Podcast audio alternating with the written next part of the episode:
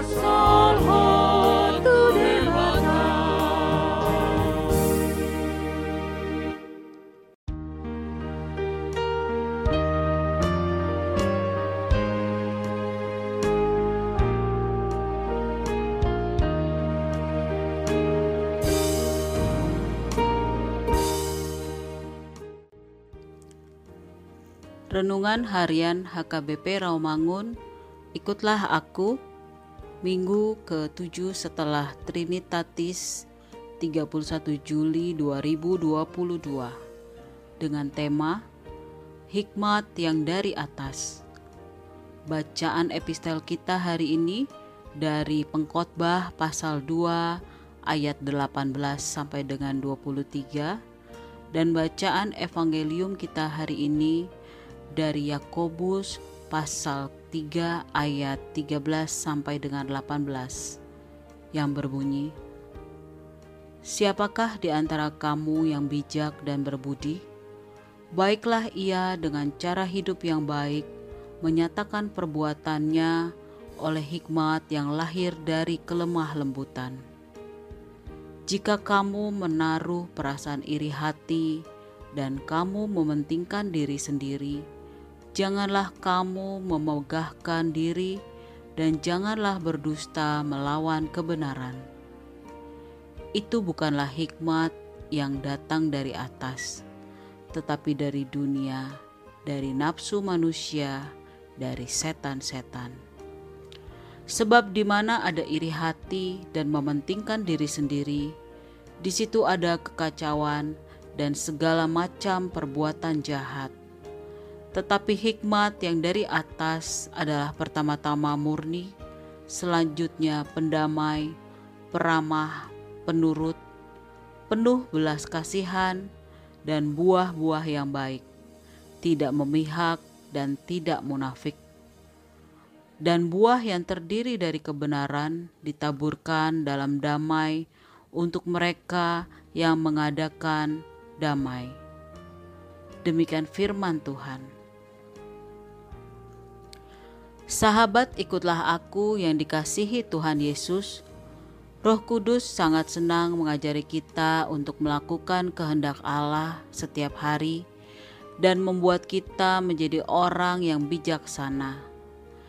Pada hidup kita secara terus-menerus memilih untuk menyenangkan Allah, maka hidup kita akan diubahkan oleh Allah. Dalam renungan minggu ini, di mana Yakobus membandingkan tentang adanya dua tipe hikmat di dunia ini, di mana salah satunya berasal dari atas yang merupakan hikmat surgawi, sementara yang satu lagi adalah hikmat duniawi.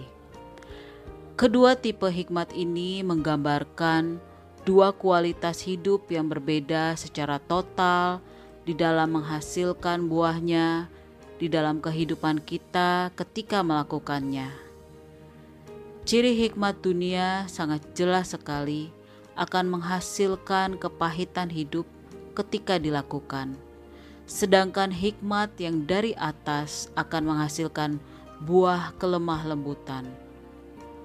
Kelemah lembutan yang dimaksud oleh Yakobus bukanlah gambaran tentang kelemahan manusia, bahkan pula menggambarkan orang yang tidak punya opini atau memiliki karakter yang lembek.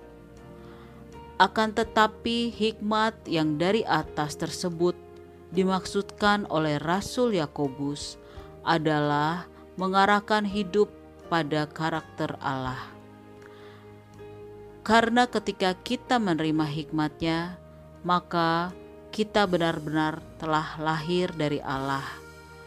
Untuk itulah kita harus memanifestasikan karakter Yesus dalam hidup kita, yaitu kelemah lembutan. Mengapa kelemah lembutan begitu penting? Itu karena hati yang lembut ialah hati yang tunduk total di mana ia mengizinkan Allah untuk bekerja di dalamnya dan mengendapi ke kehendaknya. Untuk itu, firman saat ini mengajak kita untuk memohon kepada Tuhan agar diberikan hikmat yang dari atas, agar kita dapat melakukan segala perintahnya dengan ketaatan dan kelemah lembutan. Amin. Marilah kita berdoa.